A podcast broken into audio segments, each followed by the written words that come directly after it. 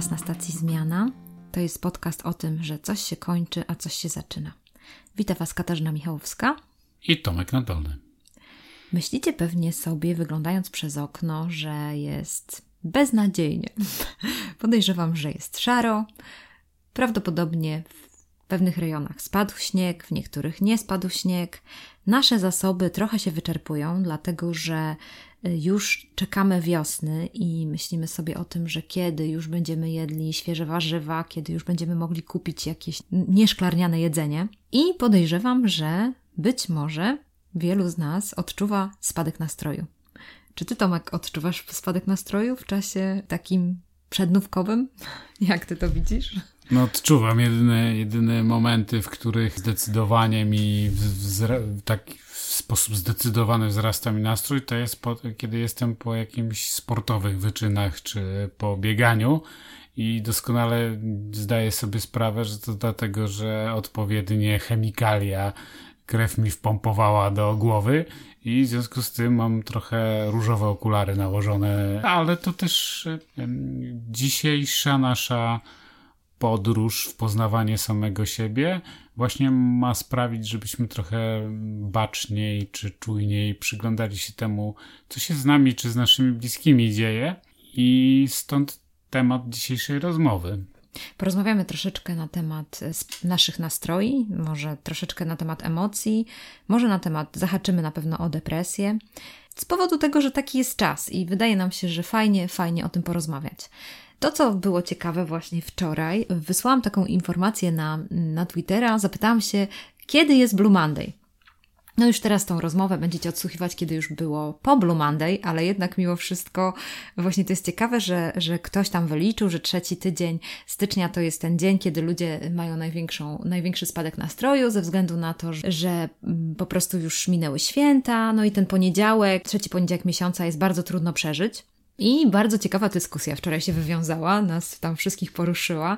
Między innymi rozmawialiśmy o tym, że nikt nam nie będzie mówił, kiedy mamy mieć spadek nastroju, więc to było w takim, w takim znaczeniu. Bardzo, bardzo fajna rozmowa, ale też rozmawia, rozmawialiśmy o tym, że często niektórzy mają często taki po, przedponiedziałkowy spadek nastroju, że jest to trudne, wejście w pracę, wejście w, w nowy rytm, na pewno sobie tam słabiej radzą. Niektórzy właśnie pisali, że a niektórzy mają codziennie takie, taki spadek nastroju, więc wydaje mi się, że może my jakoś tak się zmagamy z tym, że, że słyszymy od innych, że inni narzekają na to, że źle się czują, że są zdołowani, że im się nie chce, czy cokolwiek. I być może to jakoś na nas wpływa i, i my znowu y, narzekamy na tych, którzy narzekają.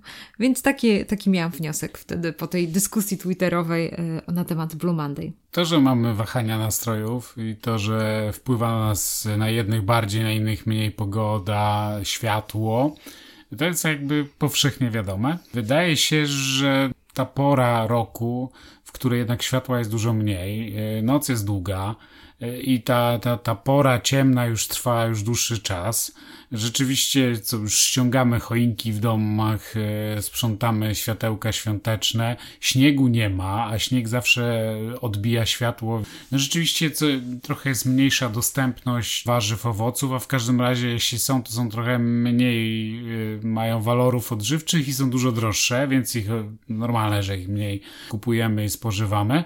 No i tęsknimy za słońcem, za temperaturą. Jesteśmy okutani od góry do dołu czapkami, szalikami i wiatr wieje i smok jeszcze do tego dochodzi. No dobra, no i to wszystko sprawia, że rzeczywiście trochę więcej kawy pijemy, jakoś tam staramy się zrobić. Problem jest wtedy, kiedy taki nastrój wpływa dość mocno na to, jak się zachowujemy i jak, jak pracujemy.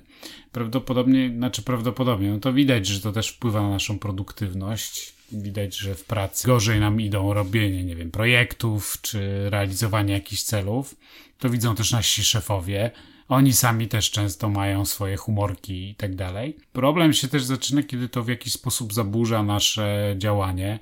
Myślę, że też po części to jest odpowiedzialne za to, że te postanowienia noworoczne są podejmowane w najgorszym momencie, w którym mam najgorszą motywację do czegokolwiek, więc też zaraz trzy tygodnie później czy cztery tygodnie później już się wysypujemy z tych postanowień, bo po prostu jest ciężko, kiedy się nie ma takiej motoru. No i jeśli to w dużym stopniu zaczyna wpływać mm, na to, na to, w jaki sposób się zachowujemy, zaczynamy zaniedbywać pewne rzeczy, i jeszcze na dodatek to się utrzymuje dłużej, czyli na przykład dwa tygodnie, mówi się, że dwa tygodnie to jest taka granica, to wtedy można by było się zacząć zastanawiać, czy przypadkiem to rzeczywiście nie, nie tylko jest depresyjny Monday czy poniedziałek, ale czy po prostu, czy nie mamy depresji bądź epizodu depresyjnego, bo i takie jest rozróżnienie. Jest y, wśród psychologów, psychiatrów często jest taki podział na tak zwany epizod i na tak zwaną dużą depresję.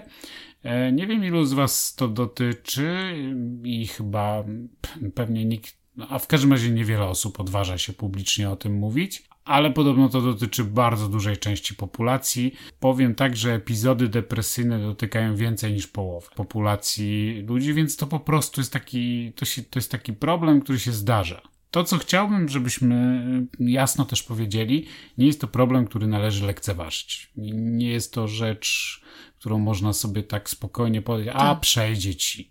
Różnie jest. Jednym przechodzi, mm. bo pobiegają, a innym nie. Bo w sumie nie wiadomo, dlaczego niektórym to przechodzi. Niektórym to po prostu przechodzi i tyle. Zajmują, zaczynają się zajmować czymś innym, znajdują siły wewnątrz albo na zewnątrz, albo ktoś inny im pomoże i nawet o tym nie wiedząc. Y, jakoś po prostu z tego spokojnie wychodząc. Niektórzy nie wychodzą. Y, depresja jednak zakłóca takie patrzenie na, na nasze potrzeby życiowe i, no i to jest problem, którego nie można lekceważyć. Tego jednak warto tak troszeczkę być czujnym i na własne zachowania, na to, co się dzieje wewnątrz nas, tak. jak i na to, y, jak się zachowują osoby blisko nas. Wiele osób się wstydzi pójść po pomoc, to jest jakiś duży problem. Istnieje możliwość sięgnięcia po pomoc psychologiczną albo psychiatryczną, aczkolwiek nie ma czegoś takiego jak skuteczne, stuprocentowe sposoby czy lekarstwo na to, żeby wyleczyć.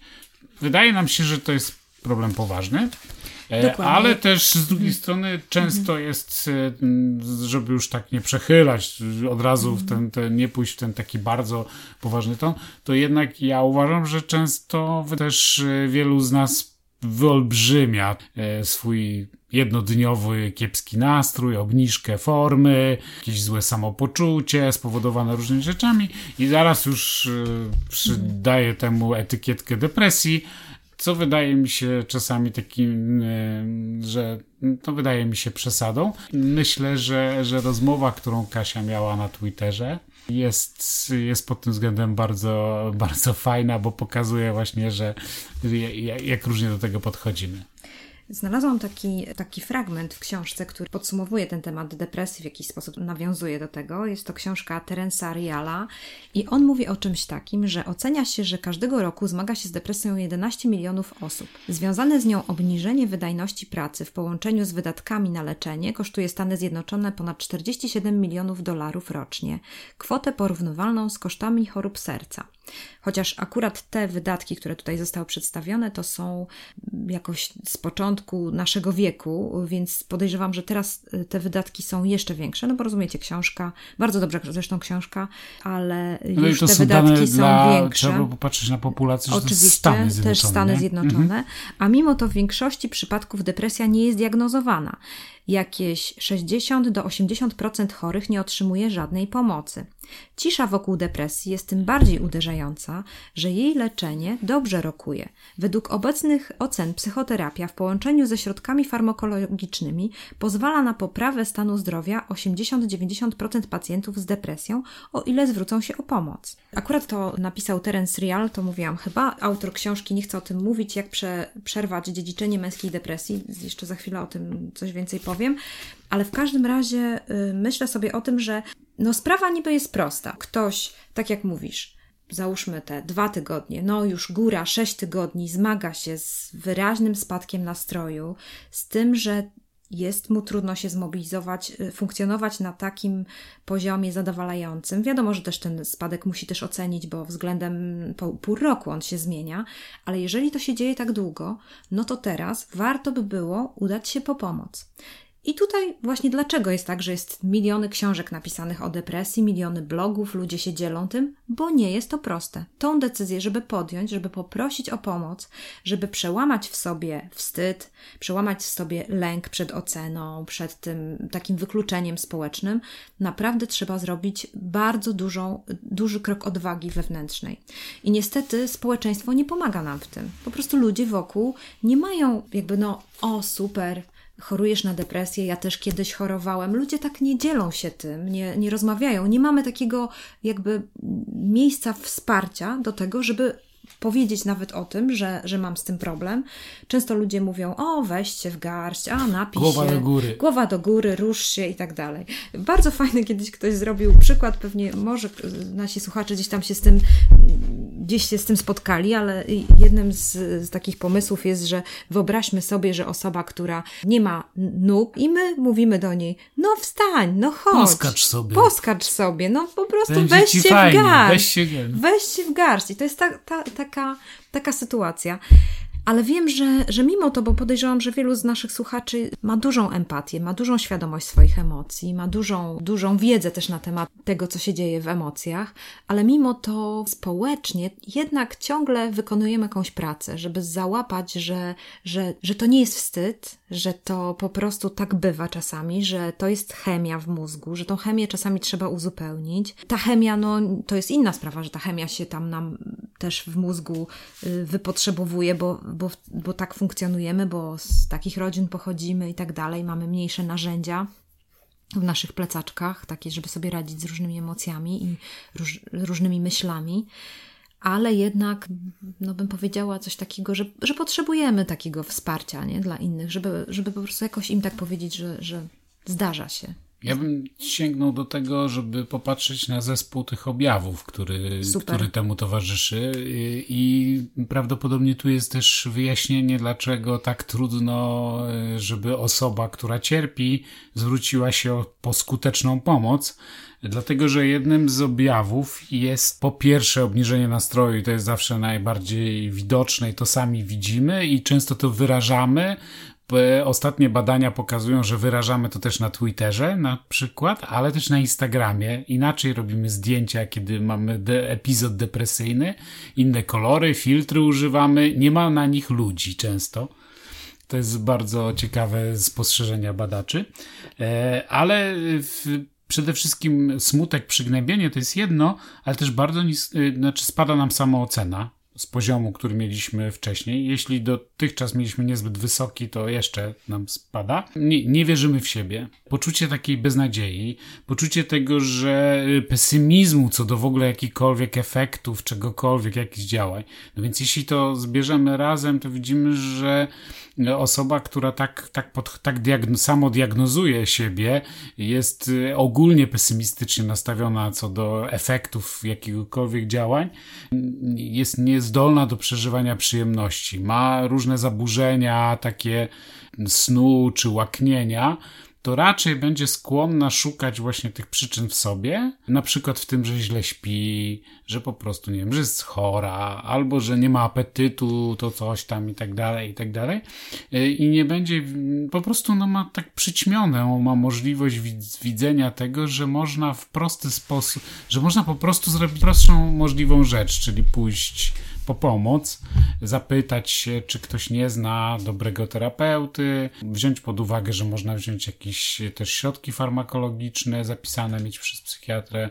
Może można po prostu podjąć krok A, B, C i zobaczyć, czy to nam coś poprawi. Także ja bym szukał tutaj e, wyjaśnienia, dlaczego tak się dzieje, że że większość osób mhm. nie, nie sięga, dlatego że no nie, po prostu nie mhm. wierzą, że to ma w ogóle tak, sens. Tak, tak. I tak się trochę kręcą wtedy w kółko. Cudowne jest to, że wiele osób mimo to z tego kółka zaklętego jakoś tam wychodzi. To jest e, super, aczkolwiek też jeśli jesteście empatycznymi osobami, to wyobraźcie sobie co musi się dziać w głowie, w sercu takiej osoby, która jest akurat w tym, mhm. w tym kółku, w tym wirze i tak kręci się wokół siebie, bo jest jej coraz gorzej, a z drugiej strony nie widzi kompletnie sposobu, w jaki mogłaby z tego wyjść no tu jest potrzebny drugi mhm. człowiek, nie? Jeżeli tak jest i jeżeli ktoś dłuższy czas odczuwa te, te rzeczy, o których mówiłeś Tomasz, warto by było teraz przyjrzeć się sobie, po prostu poprosić o, o, pomoc, żeby, żeby z jakimś przyjacielem albo przyjaciółką przegadać y, tą sprawę. Mm, jest taki przykład, który mówi o tym, y, że mm, tak jak mamy konia, wóz i woźnicę, tak samo y, można zrobić tutaj taką metaforę, że koń to są nasze emocje, woźnica to jest nasz umysł, a wóz to jest, nasze, to jest nasze ciało. Jeżeli ten wóz nie jedzie, jeżeli albo zwalnia, no to któraś z tych trzech elementów trzeba ją naprawić, albo zregenerować, albo y, przyjrzeć się jej, to czasami może się okazać, że powinniśmy po prostu zrobić sobie jakieś podstawowe badania, jeżeli chodzi o nasze ciało. Na przykład zrobić sobie OB, morfologię, takie podstawowe badania. Albo na przykład TSH. Bardzo często, jeżeli chodzi o kobiety, to problem niedoczynność tarczycy, która powoduje niestety właśnie takie objawy jak depresja. Albo tak jak dziewczyny tutaj były w podcaście, mówiły o chorobach autoimmunologicznych, że pewne choroby autoimmunologiczne po prostu tak się objawiają jak, jak depresja. Więc też warto tutaj, jeżeli na przykład jeszcze nie jesteśmy gotowi, żeby podejść do, zgłosić się o pomoc psychologiczną, to warto jest po prostu podejść do swojego lekarza pierwszego kontaktu i powiedzieć, że ostatnio tak i tak to wygląda, że chciałbym zrobić badania krwi, na przykład y, morfologię, czy, czy właśnie może TSH. To jest takie coś konkretnego, co można zrobić wtedy. Z drugiej strony bardzo ważne jest, żeby pamiętać, to psychologia nazywa, że, jest, że w depresji jest ograniczona reaktywność nastroju, a to oznacza, że nie ma możliwości pocieszyć osoby, która jest w depresji. Tak. Więc zachowujecie się całkiem normalnie, kiedy po pierwsze widzicie osobę smutną i mówicie, szukacie przyczyn, dlaczego, co się stało. To jest takie podstawowe. A w depresji tak jest, że często nie wiadomo, nie ma przyczyny mm. określonej. Wcale nie musi to być jakieś zdarzenia strasznie tragiczne, smutne czy coś takiego. Po prostu może nie być nie do zlokalizowania, może być przyczyna, może być zespół różnych przyczyn. I z drugiej strony pamiętajcie, że bezskuteczne są próby pocieszenia. Normalnie, kiedy to nie jest stan chorobowy, czyli jest taki tak zwany smutek, to właśnie da się odwrócić uwagę od smutku, przerzucić na coś innego i następuje zmiana nastroju. To jest właśnie zasadnicza różnica pomiędzy smutkiem a depresją, mhm. że depresja jest niepocieszalna w tym tak, danym tak. momencie, tak. a smutek jak najbardziej. Czyli smutek możecie kogoś zabrać ze sobą na pizzę, pójść do restauracji, pogadać i rzeczywiście ta osoba jest w stanie odwrócić uwagę od swoich problemów i zacząć funkcjonować normalnie. To jest właśnie ta różnica i dobrze by było, gdybyście o tym pamiętali, że, że to, to, to jakby nie wynika z waszej nieumiejętności pomocy, tylko to to, to tak jest. Mhm. Więc właśnie to, co mówisz, to dotykasz takiej sprawy pracy z sobą, jeżeli towarzyszymy osobie, przyjacielowi, partnerowi, który ma depresję, i to jest to, żeby odpuścić sobie w środku, że tak jak mówisz, to, bo to jest trudne, bo my też sami siebie obwiniamy, że nie umiemy kogoś pocieszyć albo nie umiemy sprawić, żeby ta sytuacja się zmieniła. No i to jest prawda, czasami po prostu nie umiemy sprawić. Jedną z rzeczy, którą możemy zrobić, i też na przykład miałam kilka takich doświadczeń, że załóżmy zarejestrowałam ją gdzieś do, do jakiegoś dobrego psychologa, albo poprosiłam, albo powiedziałam, że tutaj i tutaj możesz się zwrócić o pomoc, a później zapytałam, czy już się zapisałaś, czy już się zapisałeś, czy mogę z tobą pójść. Bo ze względu na to, że to też jest ten, ten problem jednak e, takiego wydatkowania tej energii, więc jednak te pierwsze popchnięcie to może być takie przyjacielskie i to jest, wydaje mi się, fajne, co moglibyście zrobić, jeżeli macie kontakt z osobą, która, która ma właśnie taką sytuację.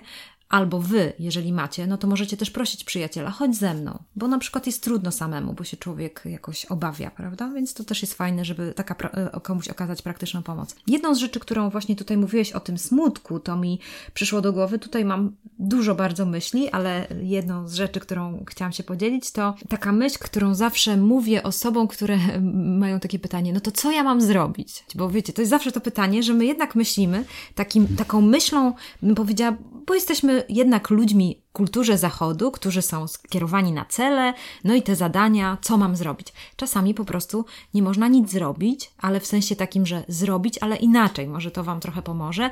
Mnie to zawsze jakoś inspiruje taki fragment w Piśmie Świętym, który mówi: płaczcie z płaczącymi, radujcie się z radującymi. I to mi się kojarzy, że czasami czasami po prostu popłakać z kimś.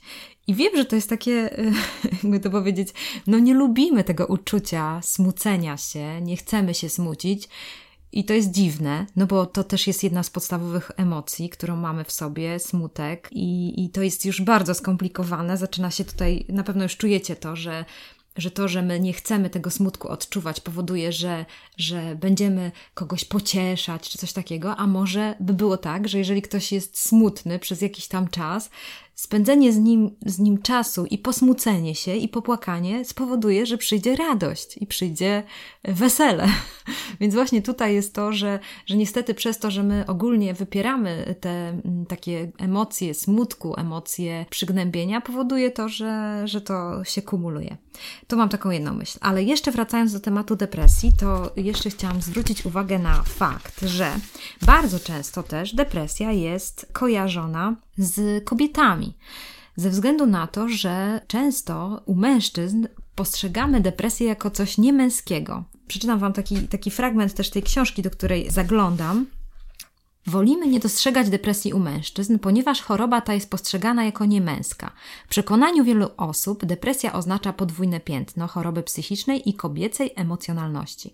Kobieta pozostająca w związku z mężczyzną cierpiąc na depresję często staje wobec bolesnego dylematu może albo stawić czoło problemowi partnera, ryzykując, że go w ten sposób jeszcze bardziej upokorzy, albo wspólnie z nim udawać, że wszystko jest w porządku, co nie rokuje nadziei na poprawę.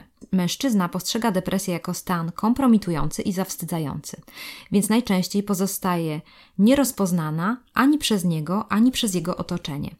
A przecież oddziaływanie tego ukrytego zabożenia jest przytłaczające. No i tak właściwie dotyczy całej rodziny. Akurat ta książka mówi więcej na temat męskiej depresji i tego, że jak w rodzinach ukrywamy to, że mężczyzna ma depresję i jak on sobie z tym radzi, i są pewne zachowania, które są destruktywne dla y, tego, żeby radzić sobie z depresją, na przykład takie jak pracoholizm, jak alkoholizm, jak y, różne holizmy w naszym życiu, i bardzo często właśnie one dotykają mężczyzn. Ten autor więcej o tym mówi i, i pokazuje też statystyki. To jest ciekawe. Ja chciałam się Ciebie, Tomek, zapytać, czy Ty masz takie obserwacje, nie rozmawiając z, z facetami, że jest to, depresja jest raczej takim wstydliwą rzeczą, czy raczej widzisz, że rozmawiają na ten temat? Jak myślisz? Ja bardzo lubię rozmawiać o poważnych rzeczach. Hmm.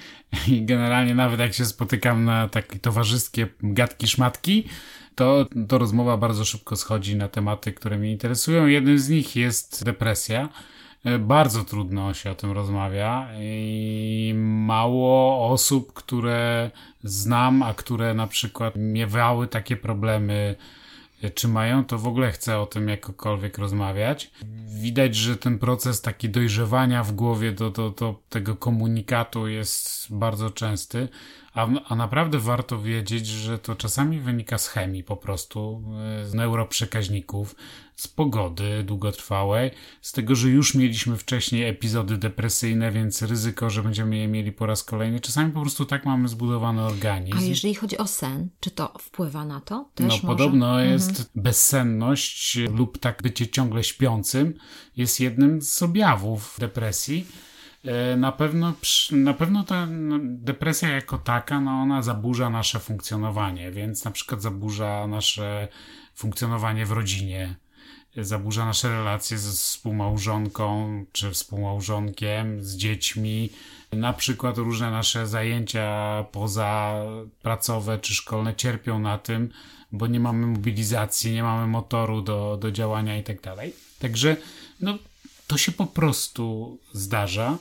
I bardzo optymistyczne jest to, że w większości przypadków można naprawdę skutecznie pomóc i jakby taki opór, żeby o tym pogadać z kolegą, jest zupełnie, zupełnie bez sensu.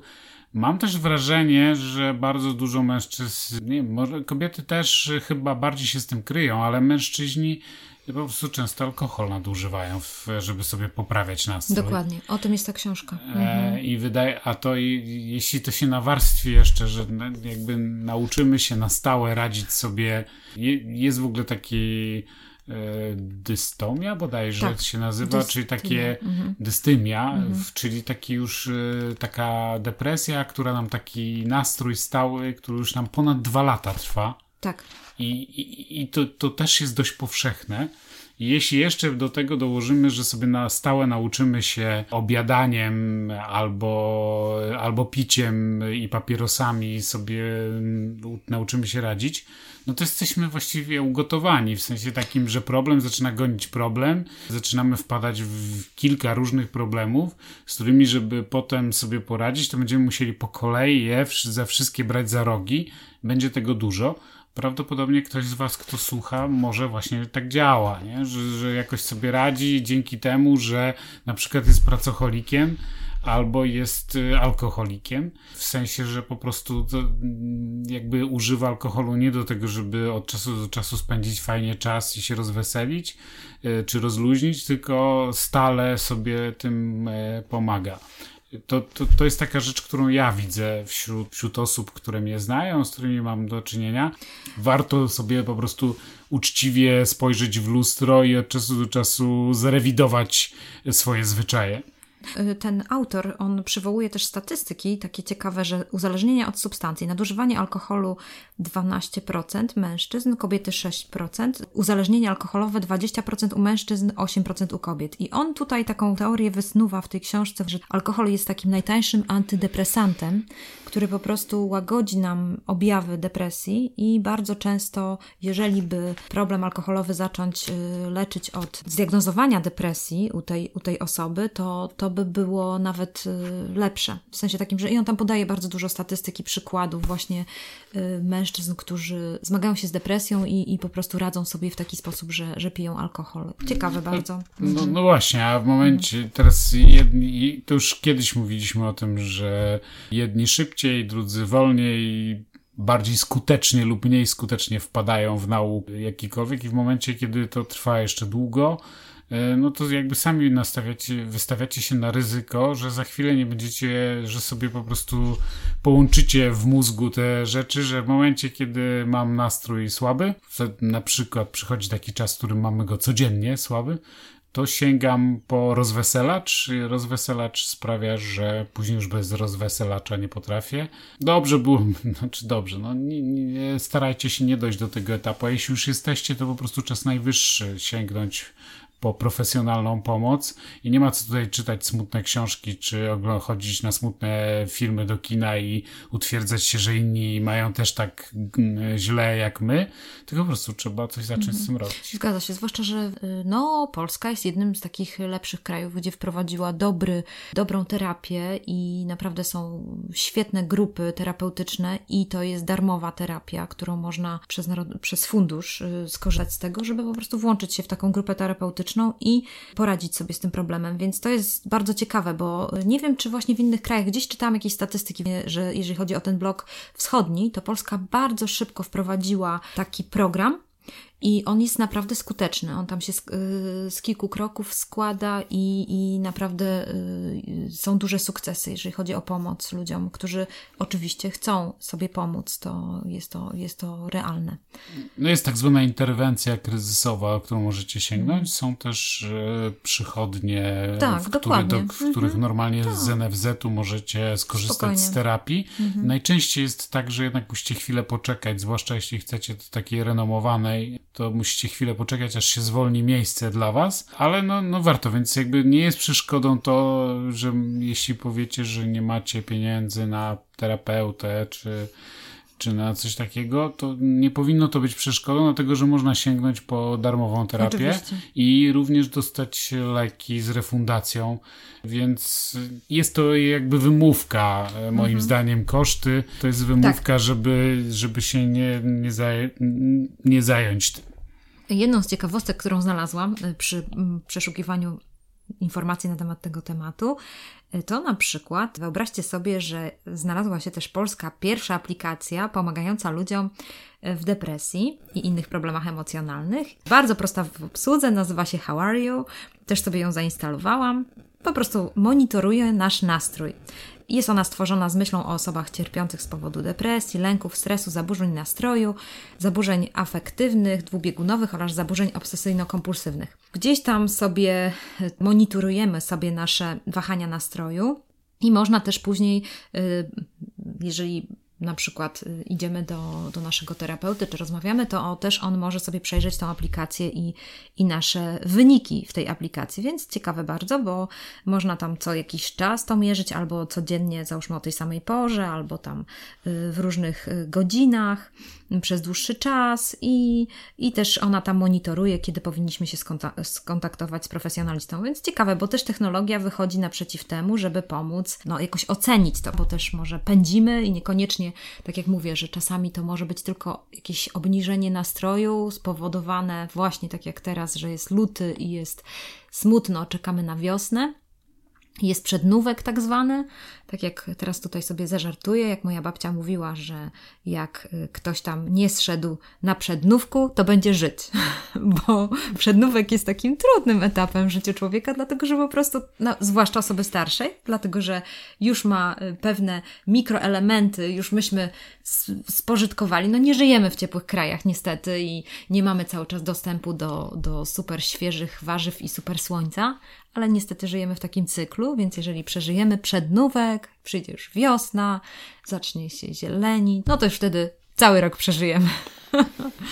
Bardzo ciekawe jest to, że pomimo, że osoby, które są e, w depresji, jakby no nie, nikomu krzywdy nie robią bardziej niż inni, wręcz odwrotnie, nie chce im się robić jakichś czynów zabronionych i tak dalej, to w społeczeństwie jednak wciąż pokutuje pewne tabu pewne jakby przesądy na ten temat. Wszelkie zaburzenia psychiczne są traktowane bardzo podejrzliwie. Bardzo fajnie, że, znaczy fajnie, no dobrze, że, że, że parę osób takich ze świata celebrytów podzieliło się, e, nie wiem, ja, ja pamiętam Marię Peszek na przykład, czy Kamila Sipowicza, czy Danutę Stenkę, którzy się dzielili swoimi własnymi obserwacjami temat własnych przechodzenia depresji, bo to bardzo mocno sprawiło, że, że wielu ludzi poczuło, że nie, nie są, że to nie jest nic, co jakoś sprawia, żeby mogli, że nie mogliby być osobami normalnie funkcjonującymi w społeczeństwie. I to jest bardzo ważne, żebyście nie stygmatyzowali,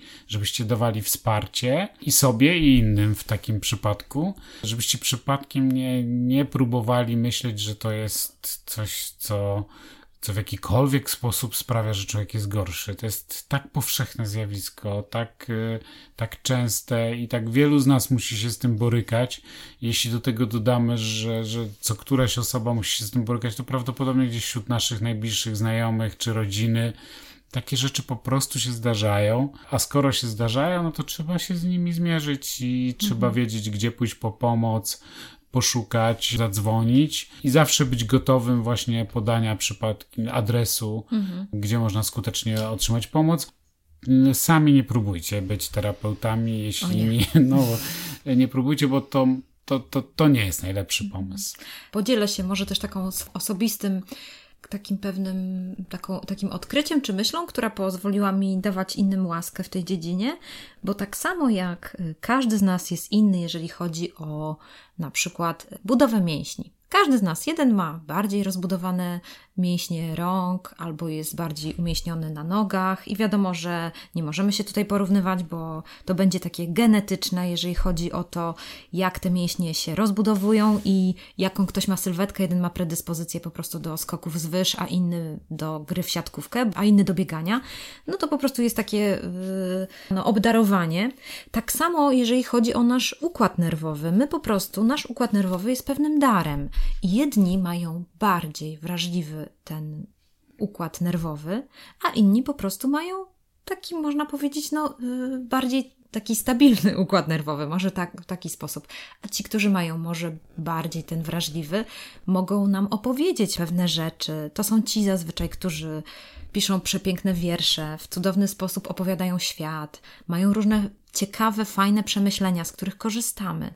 I, I wydaje mi się, że tutaj y, to jest y, super, żeby to akceptować, żeby, żeby myśleć sobie, ok, każdy z nas jest inaczej, w taki szczególny sposób, unikalny, stworzony, i każdy z nas po prostu ma inny sposób odbierania rzeczywistości. I to też pomaga wtedy, żeby, żeby na przykład wesprzeć, czy, czy mieć siłę do wsparcia, bo tutaj najbardziej chodzi o, to, o tą sytuację, albo też samemu sobie dać łaskę, żeby nie porównywać się z innymi. No niekoniecznie muszę być, jeżeli jestem dobra do siatkówki, to nie będę może dobrym biegaczem. Nie mogę się z, z biegaczem tutaj w tej samej linii y, ustawić. Tak samo jeżeli chodzi o nasz układ nerwowy. Niektórzy ludzie naprawdę są bardzo wrażliwi na krzywdę, bardzo wrażliwi na, na jakieś rzeczy, które się dzieją i nie można zabrać im tego prawa. Tak jest. Mo mogą nawet być bardzo wrażliwi na to, co się dzieje na przykład w polityce i będzie ich to bolało, po prostu fizycznie bolało. I tak jest, bo po prostu ktoś ma wrażliwy układ nerwowy. I to też dajmy sobie do tego prawo. Nie, nie myślmy o tym, że, że jesteśmy dziwni, że jesteśmy jacyś, nie wiem, wykluczeni czy cokolwiek. Każdy z nas po prostu jest inaczej skonstruowany i tak, tak jest. Osobiście powiem, że jestem przekonany, że w życiu miałem takie momenty, które można nazwać epizodami depresyjnymi. Jest to stan nieszczególny, dlatego że kiedy się jest w środku tego stanu, to naprawdę trudno o jakąkolwiek nadzieję Trudno ją też dostrzec. Każde słowo, które jest wypowiadane przez życzliwe nam osoby, które mówią, no nie martw się, będzie jutro lepiej i tak dalej, y, jeszcze tylko pogłębiają to, to, to, ten, ten stan i nic nie pomagają.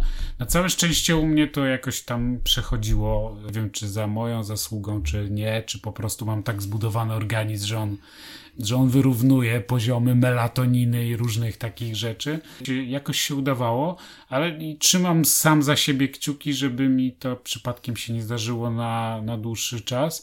Ale jeśli ktoś z Was e, takie doświadczenia ma ze sobą, to naprawdę ja, ja bardzo współczuję ale może też chciałby się w jakikolwiek sposób podzielić.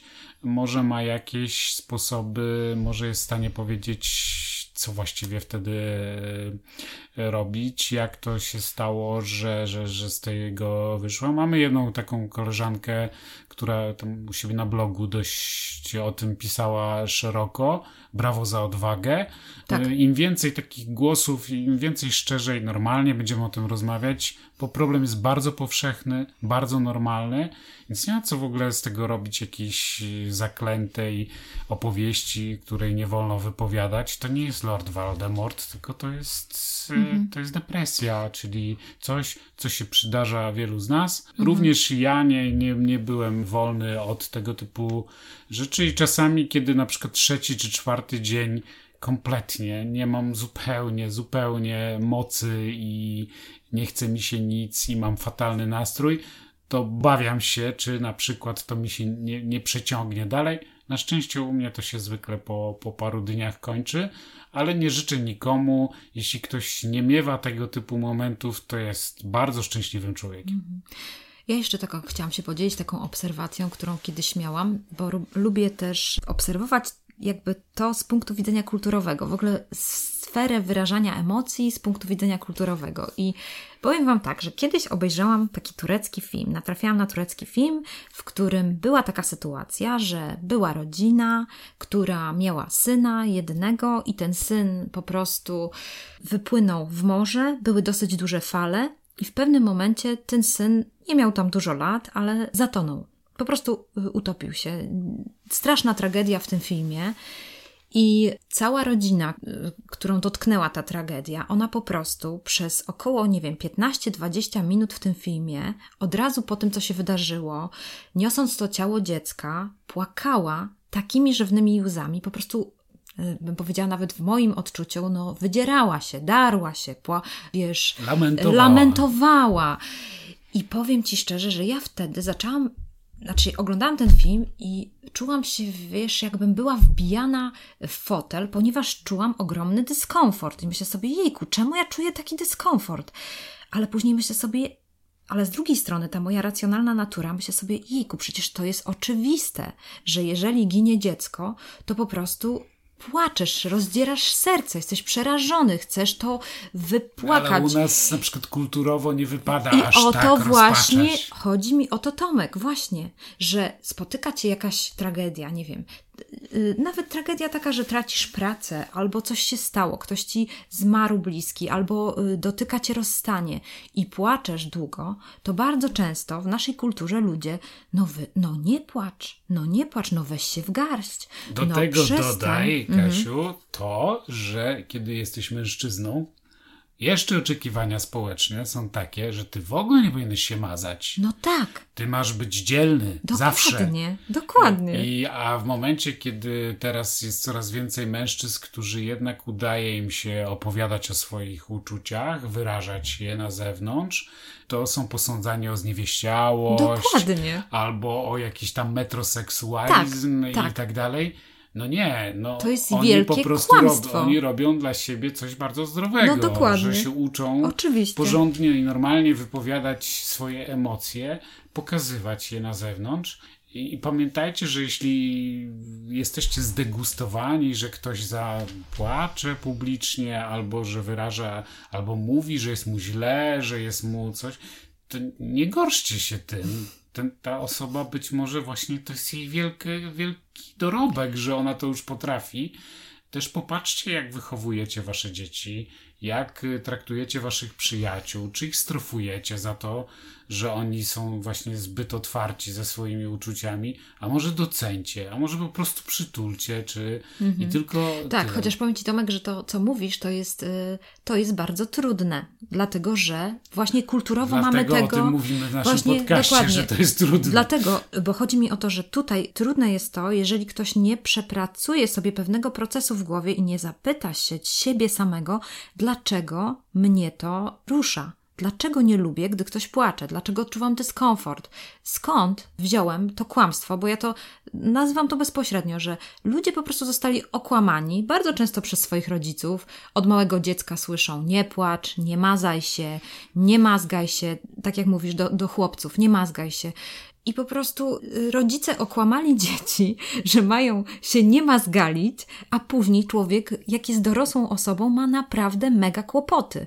Ze względu na to, że między innymi łzy, jeżeli sobie poczytacie o tym, jakie właściwości mają łzy, jaką, jak potrafią być, jakim po co potrafią w ogóle być. ewolucja to wymyśliła? Po- czy, czy, czy po co to zostało Po co Pan Bóg nam to dał, żebyśmy Okej. po, prostu, po prostu płakali, po to właśnie, żeby, żeby nasz układ się sam regenerował. Płacz jest dla emocji czymś jak sen dla mózgu. Dokładnie, dokładnie, tak. I na przykład jest to, że jeżeli ktoś był w żałobie i nie wypłakał tych łez, które powinien wypłakać, to po prostu później ta sytuacja się kumuluje i być może spotyka go jakaś choroba autoimmunologiczna, albo coś się zadzieje takiego, że albo zawał serca, bo po prostu gdzieś to się, gdzieś to się skumuluje. Dlatego to płaczcie z płaczącymi. Jeżeli ktoś płacze, zapłaczcie z nim. Albo nic nie mówcie. On nie potrzebuje rad, nie potrzebuje teraz rozwiązań, jak ma sobie z tym poradzić, tylko po prostu to jest przejście przez etap emocji. Po prostu popłakać. Tak jak na przykład dziecko. Wiem, że też jest nam trudno, kiedy dzieci płaczą, ale czasami dziecko to jest bardzo zdrowa reakcja. Ono płacze, no bo jest smutne. I po prostu trzeba Bo to jeszcze się przeczekać. nie nauczyło inaczej wyrażać Właśnie, emocji. jeszcze go nie zepsuliśmy Czuję, tym. czuję dyskomfort jakikolwiek, no to w przypadku, kiedy się jest małym dzieckiem, to jedyny sposób, jaki się umie artykułować, że coś mi jest nie tak, jest płacz i tyle. On, on, płacz ma tam 50 różnych znaczeń i właściwie na każdą rzecz jest płacz, ale to jest normalne, Tak, bo dopiero tak. potem zaczynasz jako człowiek się uczyć w inny sposób. W każdym razie ja pamiętam, że będąc młodym człowiekiem, yy, podchodziłem normalnie do tego, że kiedy dziecko płakało na ulicy, albo ktoś był taki, widać było, że na przykład naprzeciwko mnie idzie osoba, której po prostu się łzy kręcą w oczach, to się podchodzi i mówi się głowa do góry, nie masz się, nie płacz, nie, nie, nie. Dzisiaj po pierwsze uważam, że być może w przypadku kobiety ona mogłaby uznać, że to jest naruszenie jakoś jej, do, jej cielesności, więc może nie przytulam, ale często się zapytam, czy mogę jakoś ci pomóc, czy mogę coś zrobić, czy jest coś, w czym można by ci było ulżyć. Kiedy widzisz, że na przystanku stoi osoba, która płacze, to albo ona musi po prostu się wypłakać, mm -hmm, albo ona musi, albo ona potrzebuje w ten sposób, daje nam sygnał, pomóżcie mi. Mm -hmm. I ja daję jej możliwość, mówiąc, że ja mogę ci pomóc, ale jeśli ona po prostu potrzebuje wypłakania, to zostawmy w spokoju, tak musi być. Dodam jeszcze tylko, że ja sam, tu takie bardzo osobiste wspomnienie, ja sam, kiedy przechodziłem okres, kiedy chodziłem na terapię, a coś takiego przechodziłem dekadę temu, ponad dekadę już temu, to bywały takie sesje, po których wychodziłem z tego prawie godzinnego spotkania i bardzo pamiętam to dziś, bo to był przystanek SKM-ki Gdynia Główna Osobowa, który mam z tym skojarzenia takie, bo akurat tam wsiadałem do, do kolejki i czekając na kolejkę, po prostu czasami łzy leciały mi takimi strumieniami wręcz i musiałem poczekać na przykład kolejne dwie kolejki, które tam jeździły co 15 czy co 20 minut, już nie pamiętam jak wtedy akurat było. Musiałem poczekać, żeby się uspokoić, żeby móc siąść, bo jednak w tym świetle, w kolejce, w tym tłoku no nie jest to komfortowe, kiedy wszyscy się na ciebie patrzą, a ty jesteś facetem, który ma 30 parę lat i ryczy jak bubr. Nie wiem, dzisiaj uważam, że po prostu zachowywałem się normalnie i że, mm, tak. że właściwie po to tam chodziłem, żeby te -hmm. pewne rzeczy się zadziały i dzisiaj z nich czerpię i dzięki nim jestem tym, kim jestem. Więc jakby nie, nie będę was tanio pocieszał, ale na pewno to, to nic nienormalnego. Mhm.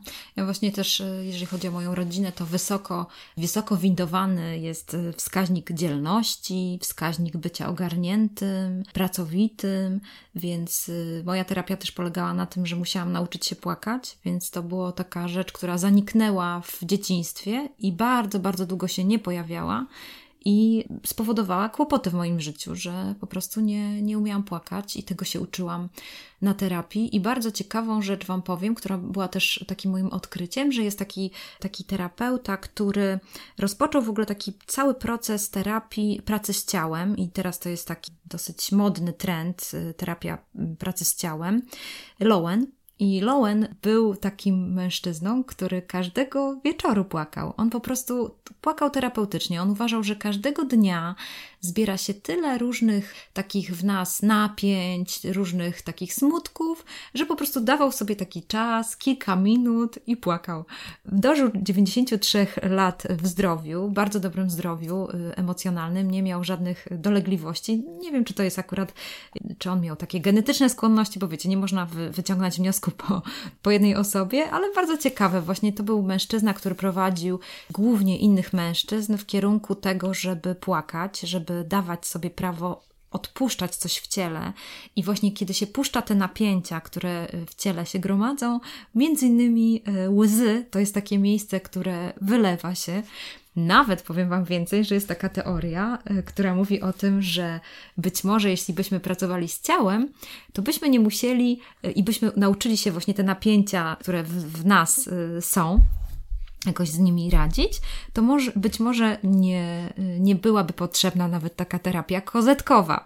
E, ale to już takie inne rzeczy, to wiadomo, że tam są różne szkoły terapii i tak dalej.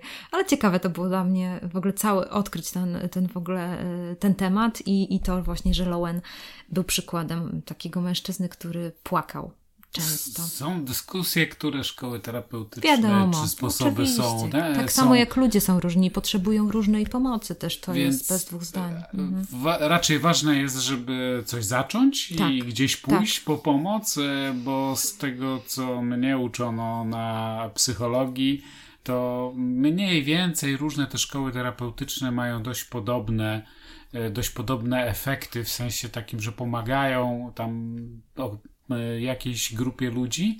Musicie pamiętać, że poza szkołą i sposobem jeszcze bardzo istotne jest to, czy wy pracujecie. Mhm. E, a na to już nikt nie ma wpływu, czy no wam tak. się chce, czy nie chce. Mhm. Ja tylko chciałem, tak e, kończąc, bo myślę, że czas tak. najwyższy, to do was panowie, faceci, koledzy, chłopaki, się nie wstydźcie. Nie wstydźcie się mówić, co czujecie, i mówcie o tym. Nie wstydźcie się też czasami zapłakać, bo to nie ma się czego wstydzić. Wszyscy ci, którzy cierpicie na e, depresję, to jesteśmy z wami. Tak. E, I absolutnie trzymamy za was kciuki, żebyście mieli odwagę sięgać po dostępne wszelkie e, formy pomocy i macie prawo też ludziom powiedzieć, że potrzebujecie pomocy, że nie wiecie gdzie jej szukać. E, macie spokojnie prawo do tego, żeby brać lekarstwa i dostawać na nie zniżki z NFZ-u, bo to wszystko jest normalne i, i w ogóle nie ma w tym niczego dziwnego, napiętnowanego. Więc po prostu dajcie sobie szansę, żebyście normalnie żyli w normalnym komforcie i im szybciej się za to zabierzecie, początek roku, ten taki Blue Monday, ten czas, kiedy jest szaro, buro i tak dalej, to jest najlepszy czas, żebyście do wiosny i do lata już parę sobie w paru elementach pomogli. To ja bym takim czymś zakończył. A ja zachęcałabym osoby, które mają wokół siebie osoby, które wiedzą, że, że może potrzebują takiego impulsu, żebyście byli po prostu mądrymi przyjaciółmi. Życzę Wam tego, żebyście byli mądrymi osobami, które w taki właściwy sposób wspierają no i też y, służą po prostu pomocą, tak jak powiedziałam, że czasami może to jest to pójście do, z kimś do lekarza, może to jest y, jakieś konkretne pytanie, jak mogę pomóc i po prostu zrobienie tego. Czasami to też jest y, nawet poproszenie kogoś, żeby ktoś wyszedł z Wami na spacer, bo też wiadomo, że trochę, jeżeli ktoś jest w domu i jest długo, to nawet taki spacer dla kogoś może być tym, tą dawką czegoś pozytywnego, więc to też jest jakiś pomysł na to, żeby praktycznie pomóc. Więc tego Wam życzymy. Ja tylko dodam, bo ostatnio o tym zapominaliśmy. Zapominaliśmy podziękować Wam za to, że jednak im mniej patrzymy w statystyki, im mniej zaglądamy do tego iTunesa, to tam się coś pojawia i się okazuje, że nas miło zaskakuje. E, miło, że rosną statystyki słuchal słuchalności tych naszych audycji. To jest fajne, bo właściwie mija rok, odkąd zaczęliśmy nagrywać pierwsze audycję, trochę później je puściliśmy, ale, ale właśnie to, to jest mniej więcej okres, w którym zaczynaliśmy. Bardzo Wam dziękujemy. Jeśli macie ochotę do nas cokolwiek napisać, macie jakoś chcecie skomentować, to jesteśmy na Facebooku, na Twitterze, e, można do nas napisać maila, e, kontakty są na stronie. Jak tam w iTunesie dacie jakąś gwiazdkę, to też fajnie, bo to tam podobno inni wtedy z większym prawdopodobieństwem to posłuchają. A jeśli uważacie, że tą audycją warto się podzielić z kimś, kto waszym zdaniem powinien to wysłuchać, to ślijcie linka i, i trzymamy za was wszystkich kciuki. Do usłyszenia.